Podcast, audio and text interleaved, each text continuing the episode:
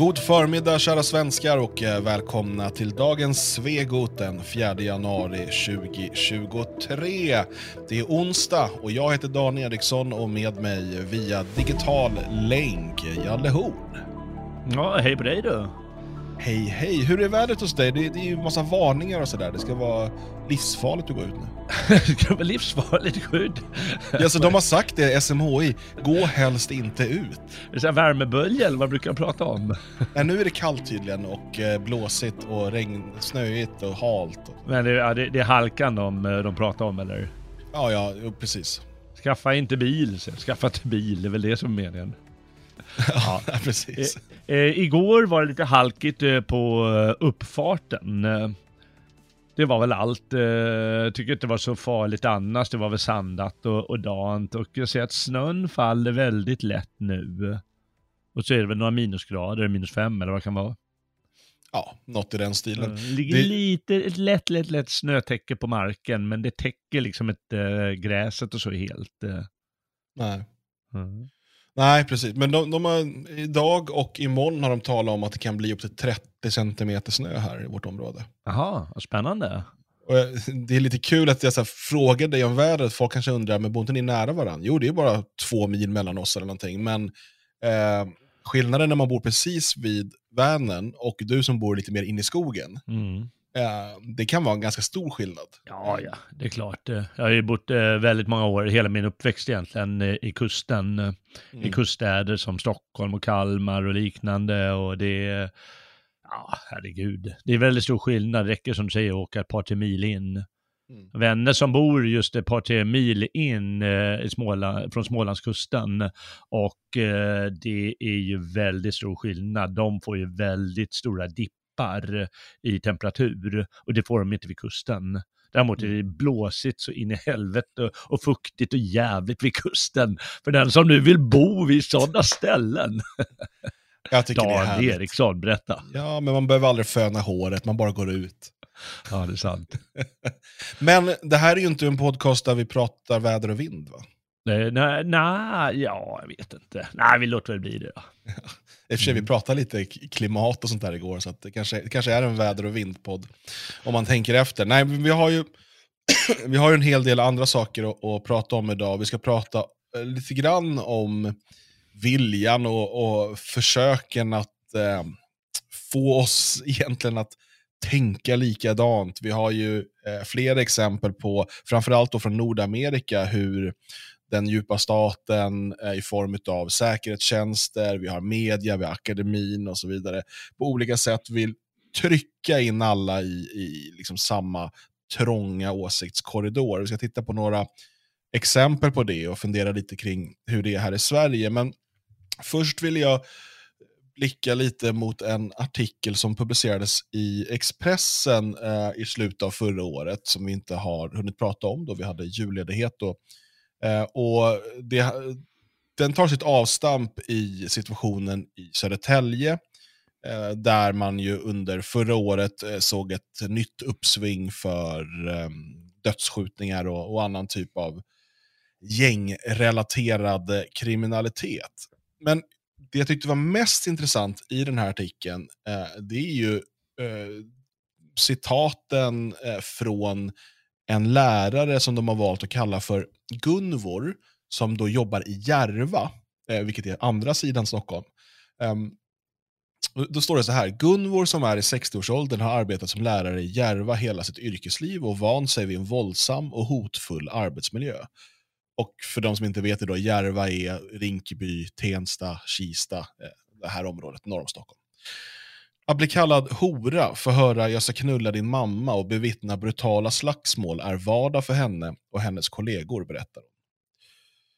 Citat, jag har övervägt att ha skyddsväst på mig. Alla andra har ju det. Till och med föräldrarna. De kommer till utvecklingssamtalen i väst. Det är inga konstigheter. Eh, stopp, eh, stoppet i skolan är bara ett av många för dem. Håret är ljust och bakåtkammat i en tofs. Citat. På skolan säger eleven att jag är smutsig. Med smutsig syftar de på att jag är vit och kristen. Hon fortsätter. Rör mig inte, du är smutsig, kan de skrika. Det här eh, är ju... Jag tror absolut inte att Gunvor, då, hon, det, är inte hennes riktiga namn, hon vågar inte eh, gå ut med namn och bild här. Jag, jag, tror inte att hon varken hittar på eller överdriver det här. Jag tror att det här är precis den verklighet som man som vit, eh, icke-muslim eh, och kanske framförallt kvinna eh, och lärare, som lärare då i det här området, att det är den här verkligheten man, man upplever. Eller vad tänker du? Ja, det tror jag verkligen. Eh, och eh, när du säger på det där sättet ska man ju ha klart för sig att de kanske inte vågar säga samma sak till en, en lärare som är då till exempel eh, muslimsk eller av liknande härkomst som eh, eleverna själva. För då får de ju, och kan ju få föräldrar mot sig eller de kan få någon religiös, inte ledare, men någon liknande underledare eller underhuggare på sig och så vidare. Men här är det så att säga tillåtet. Det som egentligen ska vara det absolut mest förbjudna att säga så till läraren, det tillåts. Ja, och där eh, vet man ju Eh, alltså det finns ju också bland många, eh, framförallt bland muslimer, så finns det ju också en, en sån här bild av att kvinnor som inte är muslimer, kvinnor som inte bär slöja, mm. de är liksom horor. De, de, ja. De, de, de, är orena och så vidare. Mm. Eh, och Det här får man ju lära sig i moskén, eh, i hemmet, eh, eller ja. via predikanter på nätet, eller vad man nu får den här informationen. Och, och man bygger upp den här typen av förakt mot ja. alla som inte tillhör den egna gruppen. Men det är inte bara därifrån man får det. Och det är en av mina käpphästar som jag alltid vill säga, de sanktioneras av den svenska staten och dess personer. För här står det också om en skolsköterska och hon säger nämligen så här. Eh, ah, det är en del av jobbet att hantera att grodor hoppar ur munnen på barnen. Och grodorna kan innehålla sådant som kan uppfattas hotfullt. Eh, vi jobbar med barn, deras hjärnor har inte växt klart än och de saknar impulskontroll ibland. Då kan de vräka ur sig saker, men be bemöts bäst med ett lågaffektivt tillvägagångssätt. Nämligen att de får göra så här. Låt dem göra så här. Det är normalt att de gör så här. Mm. De här barnen i alla fall. Egentligen skulle det vara alla barnen, men det är just de här barnen som, eh, som det är okej okay att de gör så. Precis som det är okej okay att eh, eh, en, invandrargrupper faktiskt får begå en massa olika brott. För man, man låter dem göra det, man ser mellan fingrarna. För annars kan man anses rasistisk eller eh, en massa annat. Vi, vi, vi ska ju godta den här situationen till varje pris, det som har hänt de senaste 30 åren. Och då måste det godtas att grodor hoppar ur munnen på barnen. Ja, det, det, finns ju flera saker där. Dels grodor. Jag menar, det är klart att barn kan säga dumma saker, eller knäppa ja, ja. saker, eller roliga saker, ja. för att de inte riktigt eh, har konsekvenstänkande och sådär. Men därifrån till liksom mordhot eh, och, och våldtäktshot Precis. och så vidare, det är ganska långt steg. Det är långt, ja, men det är det jag säger, de kallar det grodor i munnen, men det är ju inte det. Utan det är långt värre. Men de kallar det grodor som ett sätt att godkänna det och säga att det är okej okay, och säga att det är lagligt och säga det ena och det andra. Och det är, det är givetvis helt fruktansvärt. Eh, det som händer, jag har ju själv eh, haft eh, sådana där kids som säger du jag ska kutta dig. Mm. Det brukar de alltid säga, för det tyckte jag var roligt på den tiden. Men det kunde de ju säga till mig med glimten i ögat. Därför att de, jag vet ju att de inte ska kutta mig och eh, de, de vet någonstans att det inte är riktigt allvarligt. Men det här tycker jag är, det, det är liksom ett sånt hån mot eh, den här personen. Horig, mm. hora, smutsig och så vidare. Ja, um, och eh, en annan sak bara i den här artikeln som jag, som jag reagerar på, det är ju, de, hon har blivit utsatt för flera sådana här hot. Då. Eh, men hon är kvar på jobbet. Och då säger hon själv, rent krasst är det pengarna som gör att hon jobbar kvar. Och hon ja. bor fint på en exklusiv adress. Eh, och sen säger hon, jag är inte rädd på jobbet men det är obehagligt. Det är väldigt höga löner och det hjälper till. De ska inte få mig att flytta, jag trivs ju ändå. Mm. Eh, de här höga lönerna, det vi vet är ju att man har ju eh, satsat väldigt mycket pengar, som man säger, på ja. de här områdena. Och lärarna där ska få bättre betalt än lärare i mer svenska områden. Mm. Eh, I ett försök då att locka officiellt är det för att locka bättre lärare eh, mm. eh, till de här områdena. Jag skulle nog säga att det är ett sätt att få någon lärare att ens ja, vilja stanna där. Självklart, självklart.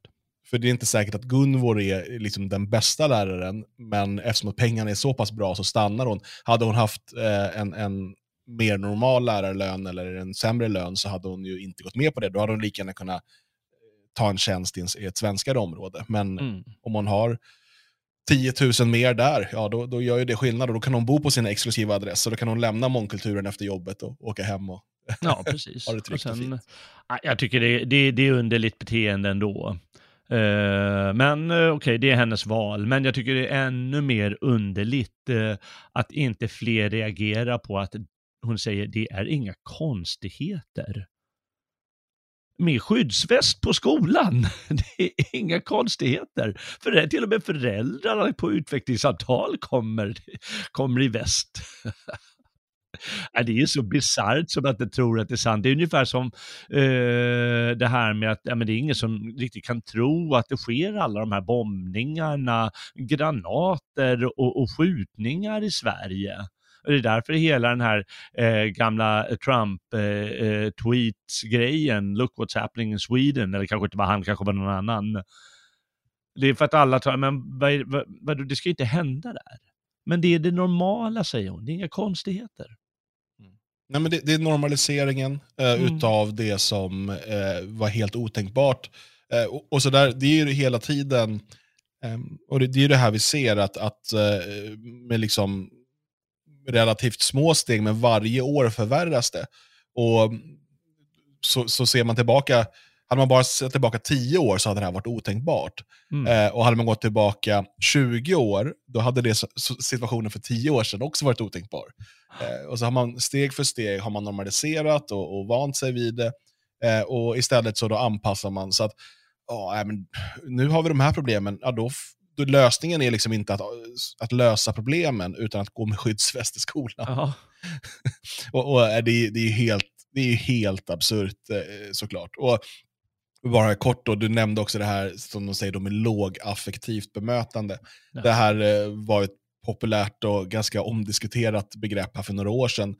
Eh, för det, det, är ju helt fel sätt att bemöta den här typen av människor. Jag, jag, tror mycket väl att det kanske kan fungera på en viss typ av människor. Man har pratat om eh, vissa typer av autismdiagnoser och så vidare och då behöver man använda lågaffektivt bemötande.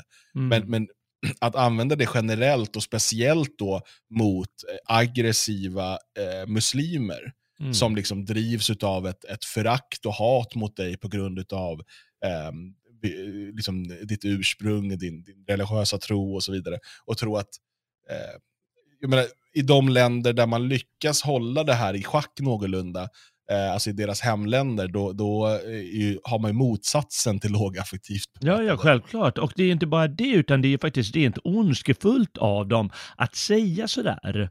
För eh, jag kan bara ta ett exempel av många. Jag minns en lärare, eh, vad han hade för ämne, på någon skola där jag jobbade en gång. Men han var väl lite så här halv bodybuilder. Han var liksom inte så jätte, två meter lång muskulös eh, Schwarzenegger eller så, men han var ju bred. Han var ju liksom dubbelt så bred som jag i alla fall. Och eh, han var inte jättehård mot barnen, men han var bestämd i alla fall. Och det kanske var mest uppsynen som var bestämd och hans eh, ändå eh, kropps, eh, satta kropp som var bestämd. Och det var ju inget av de här kidsen från orten eh, som sa något fräckt mot honom. Han behövde inte ens köra lågaffektivt eh, beteende. Mm. Han behövde inte köra det andra heller. För ja, men det var bara den här inbyggda respekten som fanns mot en sån människa som utstrålar det där. Ungefär som eh, Magnus sa en gång, eh, väldigt snyggt, ja men du vet det, det, det kom ut en, en serbisk dörrvakt och eh, tittade på som bara en serb kan göra. Mm. Ja, men du förstår nog vad jag menar. Mm. Ja, men då, då muckar man inte hur som helst. Det bara är så. Mm. Och då säger de åt Gunvor att hon ska ägna sig åt lågaffektivt beteende. Och alla andra ska göra det, förutom den här bodybuilden som inte behöver göra det. Ja, men du, du fattar ju självklart vad som händer då. Vad är det som funkar och vad är det som inte funkar? Lågaffektivt funkar det inte och därför kallar de henne hora. Så det är alltså, de använder de här redskapen, eh, vilka de nu är, att eh, Gunvor ska göra det så att de kan fortsätta trakassera henne, för det är på något sätt målet. Det måste ju ja, vara det. det verkar ju så. Om inte annat så det, vi kommer ju alltid till den här frågan, är det ondska eller dumhet? Ja, men jag brukar alltid säga att eh, dumhet är ondska. Nej, men för att kanske i deras, de, de som har bestämt det här och tycker att det är, det är en bra eh, idé så, eh, så tänker man att alla människor är ju lika. Och mm. eh, Det här funkar ju jättebra på eh, klassen här på eh, Södra Latin. Mm. Eh, så då borde det också funka på klassen i Järvaskolan. Mm. Och, och, så tar man liksom inte med några andra eh, faktorer alls. Så, det, är ju jag som växte upp med, med liksom så invandrarområden och, och ja, invandrardominerad skola och så vidare. Alltså, vi vet precis hur det funkar. De, de, eh, män, de manliga lärarna eh, hade, hade vi alla liksom respekt för och man vågade, alltså de här som hade lite pondus. Mm. Eh, och det hade de flesta manliga lärare när jag gick i skolan på 90-talet. Mm. Medan eh, bland alltså invandrarnas syn på de kvinnliga lärarna var helt annorlunda. Och så kan man tycka, men så borde det inte vara och bla bla bla. Nej men det är så. Det, det är den här, så länge eh, det faktiskt är så, och så kommer det vara så länge de här människorna kommer fortsätta vara eh, muslimer och leva i den här kulturella bubblan, eh, då måste man ju förstå att vill man få någon typ av ordning på det, då är det inte eh, liksom förskolefröknar som, som kan ta hand om det, utan då behövs det, och sen kan det finnas liksom kvinnor med eh, med pondus, auktoritet och sådär som, som mycket väl kan vinna en viss respekt. Men de har ju, det, det är en, jag vet inte, det känns så taskigt att sätta dem i de här områdena. Ja, jag menar, det, det, det är precis som du säger. Det finns jättemånga kvinnliga lärare som, som hanterar sådana här situationer eh, alldeles utmärkt. Men det, det, det finns även en gräns där som du säger, i vissa områden där det inte funkar. Och de tar ju mm. även upp igen, den här Expressen-artikeln tar de ju även upp i Södertälje hur det är och att eh, människor blir rädda när det är liksom dödligt våld utanför, precis utanför skollokalen. Och det gäller ju även plötsligt Gunvor, eller motsvarande Gunvor, hur sträng och så hon än kan vara. Mm. Det, det, det gäller ju även de här manliga lärarna till slut också. De blir också lite, hmm, undrar om det här är riktigt eh, för, för även en sån manlig lärare som är bestämd, han, eh, han, är ju trots allt, eh, får han en kula i sig så, så coola är han också. Han kan inte göra någon, han kan göra någonting mot en unge som kommer bråka med honom. Man kan inte göra någonting mot, eh, mot eh, hårdhudade ligister. Nej, Nej, han, de är inte stålmän, de är bara män. Nej, de är ju trots allt bara det. Ja. Mm. Så det, det är egentligen det, det är ett gigantiskt problem som, som finns. Och det rör ju inte bara skolan, utan det rör ju alla områden givetvis. Mm. Mm. Ja, eh, vi ska prata lite om den här, eh, de här försöken att, att liksom minska eh, åsiktskorridoren, göra den trängre än, än någonsin. Eh, men trångare heter det? Eller heter det trängre? Träng, ja du får nog, jag skulle säga trängre. Ja, mm. du borde ha koll på det här. Ja, Svenska ja, jag vill nog, alltså sånt här, sånt här ändras eh, med tiden och det är obönhörlig ändring. Det går inte att, att hindra, tyvärr. Ibland är det skönt. Men... Ja, det är som det är. Vi mm. borde alla prata som man gjorde på 1700-talet. Då var ja, svenskan ja, som finast. Mm. um, nej, och, och, jag tänker att vi ska ta ett litet avstamp bara i att först titta på de senaste avslöjandena eh, kring det som kallas för eh, the Twitter files. Alltså det, mm. Sedan Elon Musk tog över Twitter så har han gett eh, journalister eh, tillgång till, ett, ett, ett, antal journalister då, tillgång till interna eh, dokument och, och intern kommunikation under eh, från de förra ägarna eh, för att då eh, få en ordentlig genomlysning på korruption, ehm, censur och liksom, hur har det egentligen gått till på Twitter. Eh, mm. Och det är lite roligt för Elon Musk, eh, han säger det att okay, vi, vi öppnar upp det här nu så att journalister kan kolla de här arkiven, eh, så skulle vi kanske kunna motverka då konspirationsteorier. Teorier. Problemet är att än så länge har varenda konspirationsteori om Twitter visat sig vara mer sann än falsk. Ja, verkligen. Um, och Det blir ju väldigt tydligt när man, när man läser uh, de här um, reportagen. Och i de senaste så har det ju bland annat handlat då om hur man eh, har släppt in de här underrättelsetjänsterna, FBI, CIA och en massa olika grenar av mm. eh, de här underrättelsetjänsterna. Som eh, i stort sett eh, sen bara kunnat skicka listor på ehm, olika, olika konton på Twitter de tycker ska, ska stängas av. Ja. Eh, och i de fall då Twitter har gjort ehm, manuella genomgångar av de här kontona så har de kommit fram till att väldigt få av dem bryter mot några typer av regler. Eh, och när de då har återvänt till, eller återkommit till, till underrättelsetjänsten och, och berättat att ja, vi har gått igenom de här 1800 kontona ni har skickat och det är bara två stycken som eh, då till exempel är länkade till Ryssland och liksom verkar mm. an, hänge sig åt någon typ av eh, valpåverkan, som de kallar det. Mm. Eh, då blir ju underrättelsetjänsterna vansinniga. Ja, de blir skitsura. Eh, och istället då så väljer man att använda sig av media. Eh, så att via, på något sätt då via myndigheterna så släpps de här listorna på liksom misstänkta konton mm. till media. Så att media istället gör en stor grej om de här stora nätverken av ryska påverkansoperationer på Twitter Mm. Twitter har redan gått igenom alla de här kontona och konstaterat ja, ja. att nej, men det här är inte det ni påstår att det är. Men media gör då en grej så blir det ännu mer tryck på Twitter och, och du vet så här, Twitter gör ingenting åt det och de låter rysk påverkan, rysk ja. påverkan, rysk påverkan, det är det hela tiden.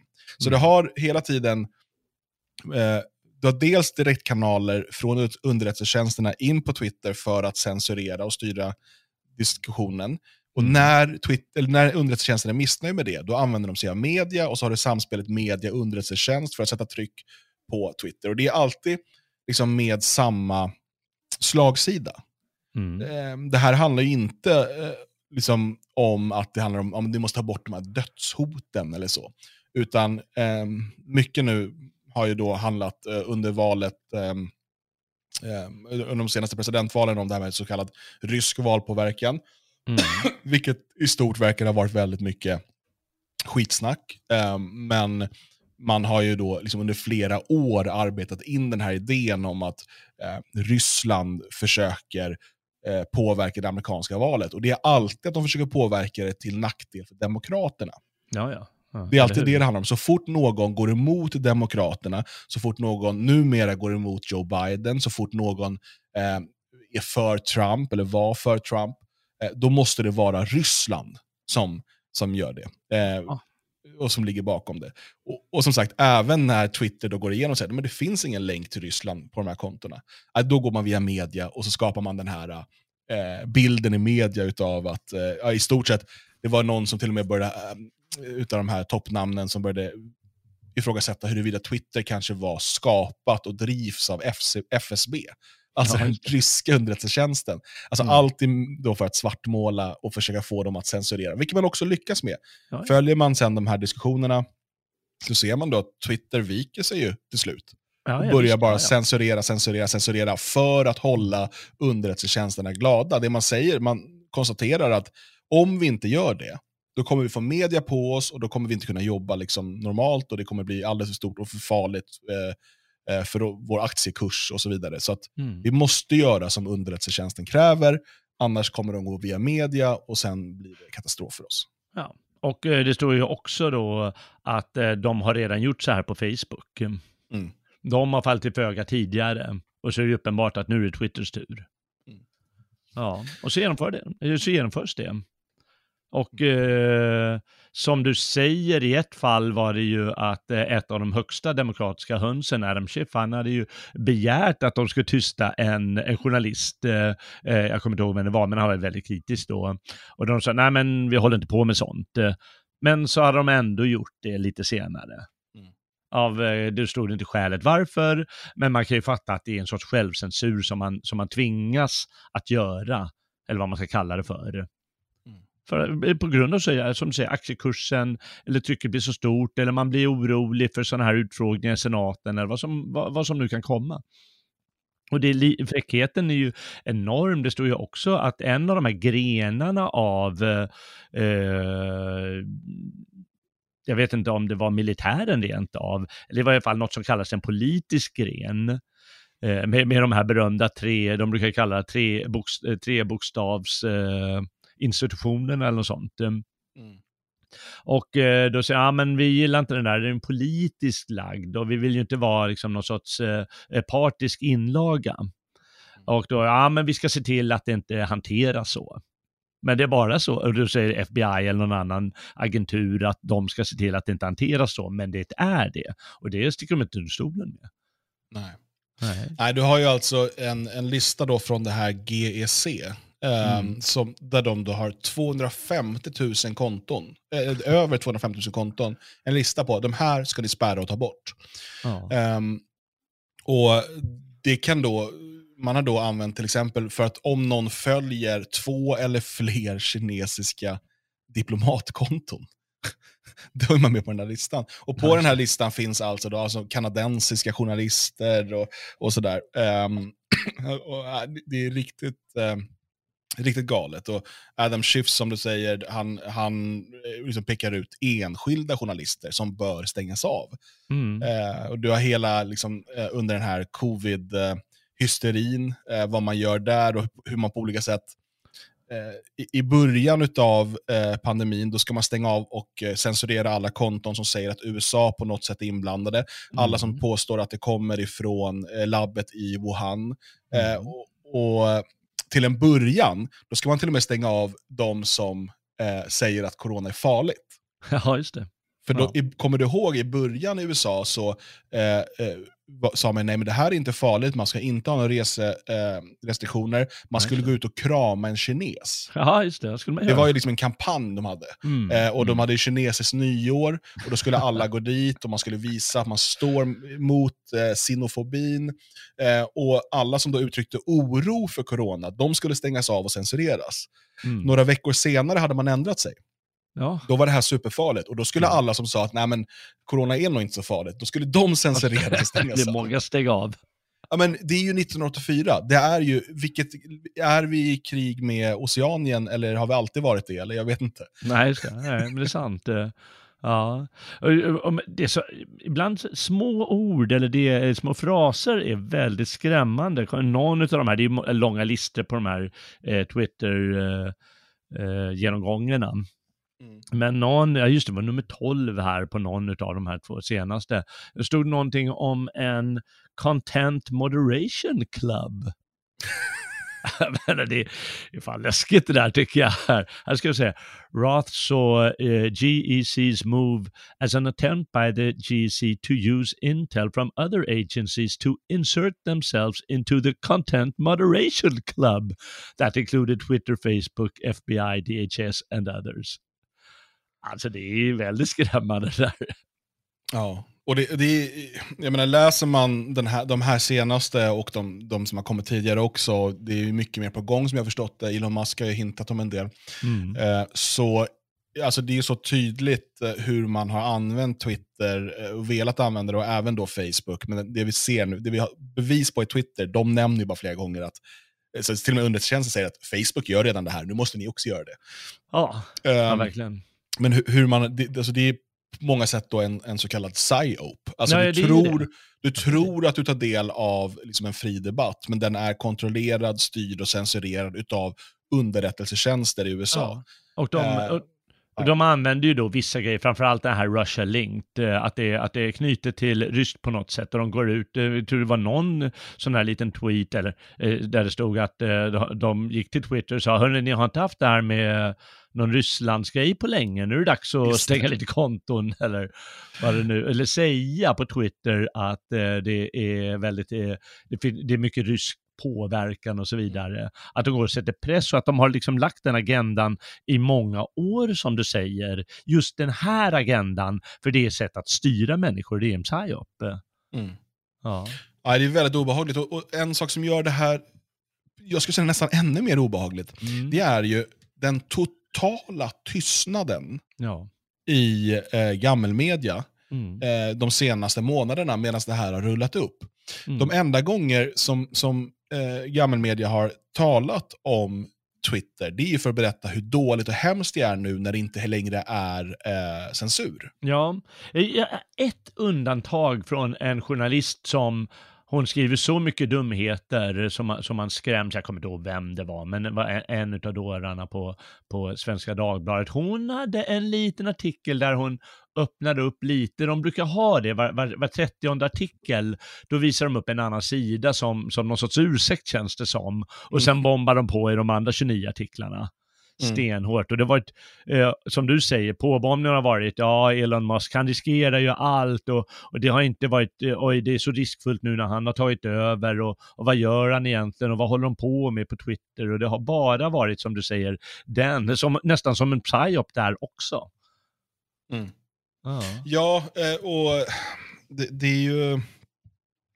Där man ser samarbetet mellan underrättelsetjänsten och, och media i USA, eh, som, som man då ser via de här Twitter-files, eh, och sen sitter då samma media i, i USA nu och, och eh, antingen spelar ner det här eller Mm. eh, liksom säger ingenting.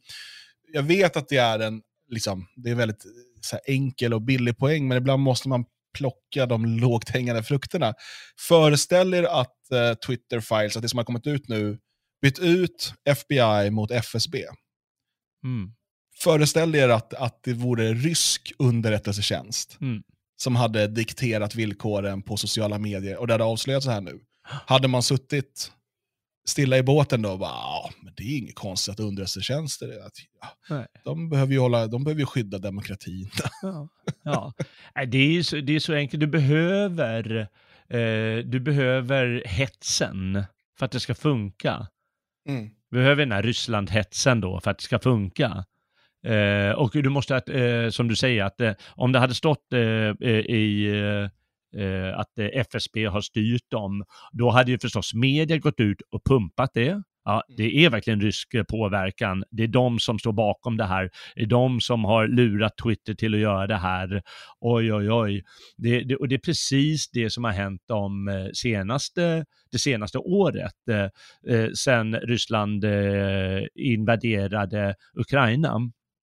Och det säger jag ett förbjudet ord va, enligt eh, rysk. Det betyder att jag inte är, eh, håller på med rysk påverkan, för det får man inte säga eh, som ryss. Du menar den speciella militära operationen? Ja, det är, en- ja, men jag säger att det inte är en operation, utan en invasion. Ja, så jag är inte rysk, eh, ryskpåverkad. Eh, att de hetsar det i svensk tv. Och då kan jag bara säga att min mamma och många andra mammor och en massa människor som oftast är helt oskyldiga, de sitter och säger de där jävla ryssarna, de borde bara förbjudas allihopa. Och- Och de borde avrättas och de säger så många grejer. Och det betyder att den här hetsen funkar. Och den funkar på grund av den här medieapparaten. Som antingen är, är tvingade av till exempel den amerikanska djupa staten, verkar det som, eller arbetar tillsammans med staten. Så som kanske mer är fallet i Sverige, det är svårt att säga. Mm. Nej, man har ju byggt upp det här under väldigt många år. Det, det tog ju verkligen spinn i samband med eh, Trumps eh, framgångar. Mm. Eh, det var ju då som liksom man verkligen började pumpa upp den här uh, Rysslandshetsen.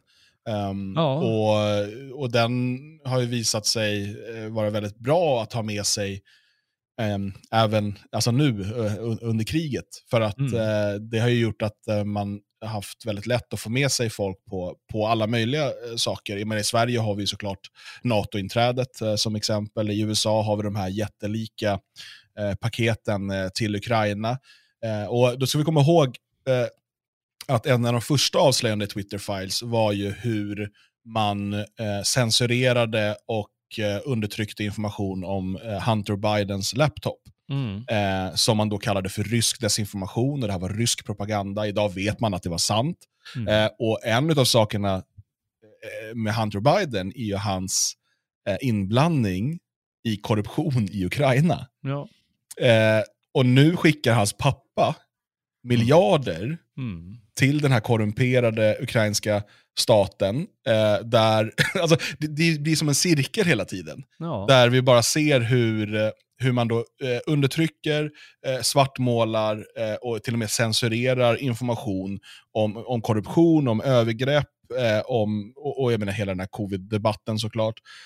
Och hur man vill förbjuda alla andra åsikter än liksom, den officiella linjen från makten. Ja. Eh, för att då trycka in alla i samma tänkande. Eh, och det livsfarliga när alla trycks in i det här samma tänkandet. I dagsläget så har vi liksom kriget i, i eh, Ukraina och Mm. eh, det drabbar bara oss indirekt. Liksom, energipriser och, och lite annat och inflationen och sådär påverkas av det såklart. Men, men när man lyckas få en befolkning så pass eh, enkelriktad och likriktad så Mm. Är det också ett sätt man kan... Alltså det, det är i de lägena som, som man kan genomföra de mest eh, hemska saker. Det kan vara allt ifrån eh, liksom, interna eh, utrensningar i landet av oliktänkande som sätts i arbets eller koncentrationsläger eller fängslas eller förbjuds, eh, till faktiskt rena eh, krig mot eh, länder som man av någon anledning ehm, ha, då har, har piskat upp en hatstämning emot. Det här har vi ju sett, alltså det, det, det är ju, liksom, vad säger man, eh, krigsföring, psykologisk krigsföring 1A.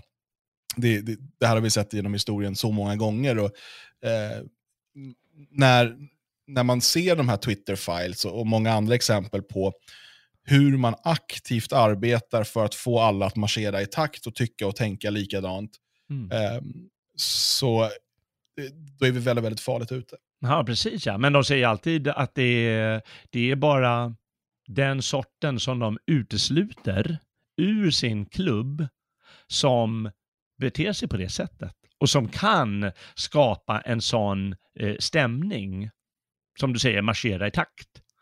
Det är Mm. ju bara nazister som gör sånt till Ja, exempel. just det. Och de, det är ju de som eh, Putin är, till exempel. Mm. Han är ju nazist. Hur absurt det än låter, men han är nationalist säger de då. Men det är bara nationalister som, som vill eh, vandra, eh, marschera i led och eh, hålla på på det här sättet som de själva gör.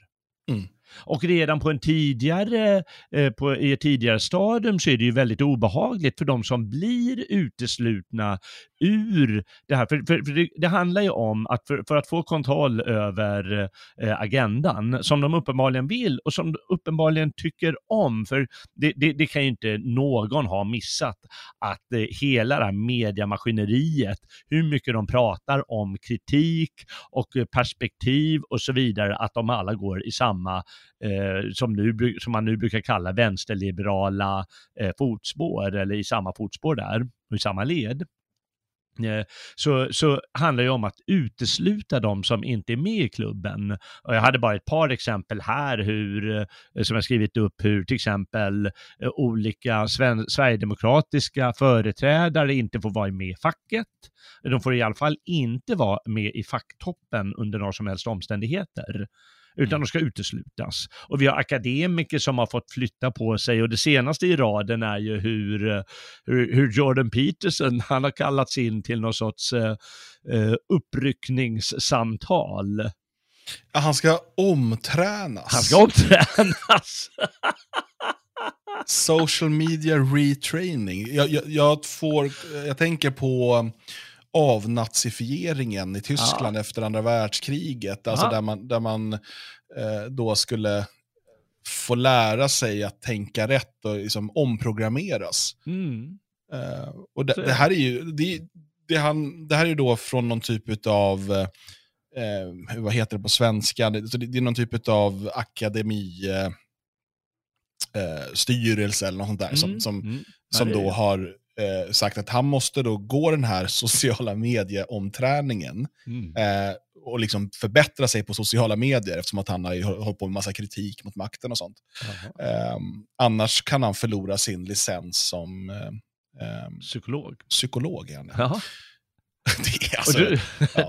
det, det, låter så, det låter helt absurt och det är klart att det kommer ju extra mycket i, eh, i fokus för att det är just han och han råkar vara känd. Men tänk då alla som inte är kända.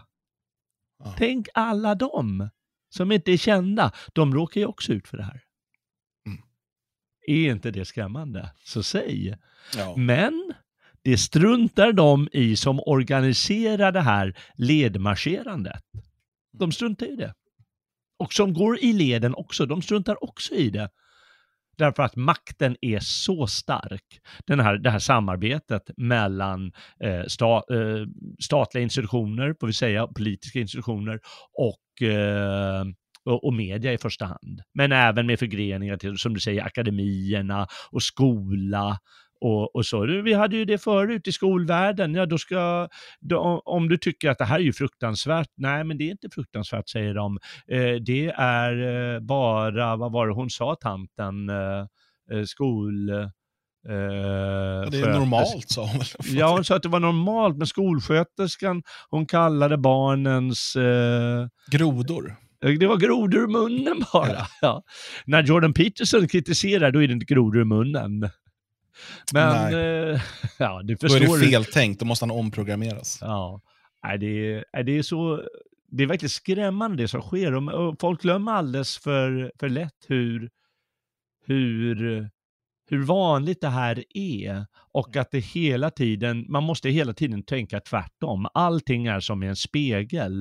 Det är, så, är det inte så de säger i, eh, i så här Alice i Underlandet eller något sånt. Det är Men- bara en spegelvärld alltihop. Ja, precis. Men, men titta på hon, eh, den kvinnliga läraren i, eller i, Nynäshamn, som, Mm. Rebecca Ädel, som var sverigedemokrat. Eh, Ja. Och sen kom det fram att hon fram till 2012-2013 hade hjälpt till med korrekturläsning på eh, Nordfront och hon hade då inom interna chattar sagt neger och sådär. Mm. Eh, hon får inte jobba kvar som lärare. Nej. Eh, det här sker alltså innan hon var utbildad lärare, innan hon hade börjat arbeta som lärare. Ja. Eh, eh, och hon säger själv att det är en tid hon har lämnat bakom sig, som att det egentligen, det borde heller inte spela någon roll. Mm. Men liksom, trots allt detta, Ja. så väljer de, eh, alltså, hon kan inte fortsätta sitt arbete. Så att, liksom, du ska, och speciellt om du ska vara lärare, speciellt om du ska arbeta inom akademin. Eh, minns du här nu i samband med den här um, eh, terroristen, i, eller han, det vart väl inte terrorbrott, men på, på, um, i Visby, i Almedalen, Mm. eh, så var det ju eh, en person som var forskare eh, i Stockholm. Eh, på något av universiteten, jag minns inte riktigt. Mhm. Eh, och ehm, som hade då, han var barndomskompis med den här Theodor Engström och de hade Ja. chattat. Eh, och, och ehm, han den här barndomskompisen hade också då nationalistiska åsikter. Mm. Och han blev ju av med sin forskartjänst. Eh, i, och det var inom psykologi också tror jag, om jag inte minns fel. Ja. Eh, alltså, så du kan inte vara kvar inom akademin om du har de här åsikterna. Du har inte begått några brott. Nej. du har inte, och du kan inte jobba som lärare. Mm. Du kommer ju aldrig få jobba inom gammelmedia. Nej. Så alla de här vi pratar om, då, underrättelsetjänsten, är ju bara att glömma. Ja. Alltså du får inte jobba inom, och ibland pratar vi om djupa staten och sådär, och det kan verka ett slarvigt begrepp, men om du, du måste ha en viss typ av åsikter för att jobba inom akademin, inom Mm. läraryrket, Mm. inom eh, underrättelsetjänsten och inom eh, media. Mm. Då, eh, och sen ser vi hur de här olika då samarbetar för att eh, undertrycka och censurera vissa typer av åsikter, vare sig det är i sociala medier eller i arbetslivet, för att se till att alla ska tycka likadant och marschera i samma led. Ja. Eh, för eh, demokratin och yttrandefriheten. Eller något. Ja, och vet du vad det hemskaste är? Det Nej. funkar. Mm. För jag, jag, eh, häromdagen så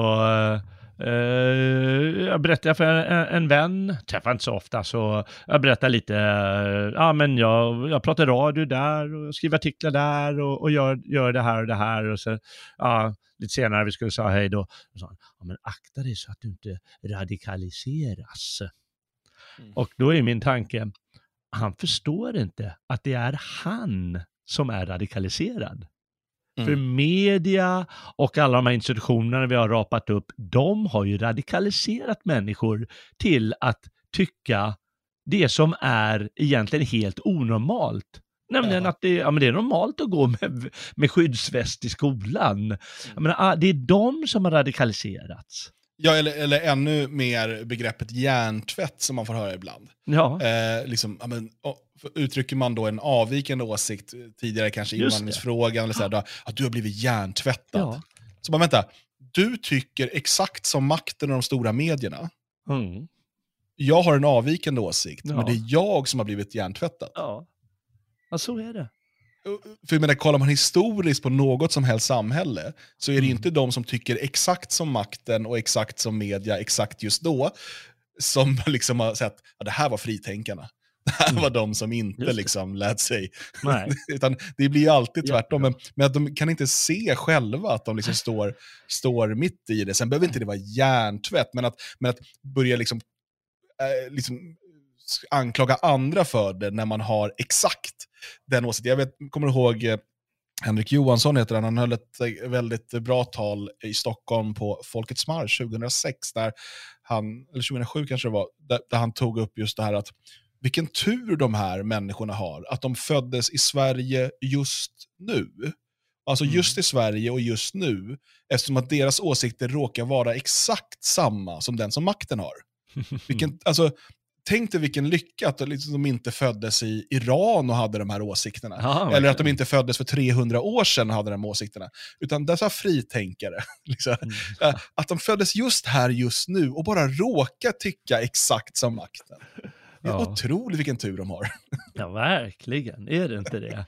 Ja, nej, men det, det är skrämmande. Men, men det skrämmande är att det fungerar. Och det är det som är det oroliga. Det är kanske inte helt onormalt om man tittar i historien att ja, men det är så processer fungerar.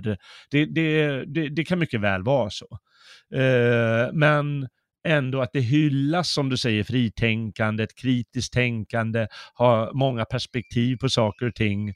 Och så, så, så gör alla tvärtom. Mm. Inte minst då där det är som viktigast, i media eh, eller alla som eh, förespråkar det de kallar eh, fritt liberalt samhälle.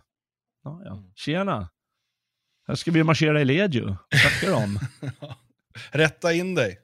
Ja, ja nej, så det, är, det enda sättet det är som vanligt att stå upp sig och avslöja. Det vanliga, det bästa är ju att dra byxorna på dem och säga just att men det är du som står för hjärntvätten. Det är ju du som rapar det som man ska säga. Det är du som gör allt det här. Kom inte och beskyll mig för det. Mm. För då i alla fall skäms de kanske lite någonstans, eller man får dem att tänka efter en, en, en smula.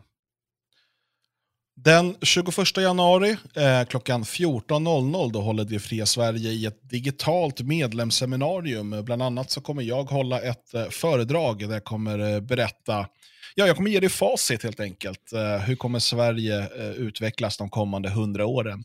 Jag har ett par olika scenarion eh, jag vill prata om och dessutom då såklart eh, väva in det i vad vi måste göra eh, nu och eh, framöver för att möta den framtiden.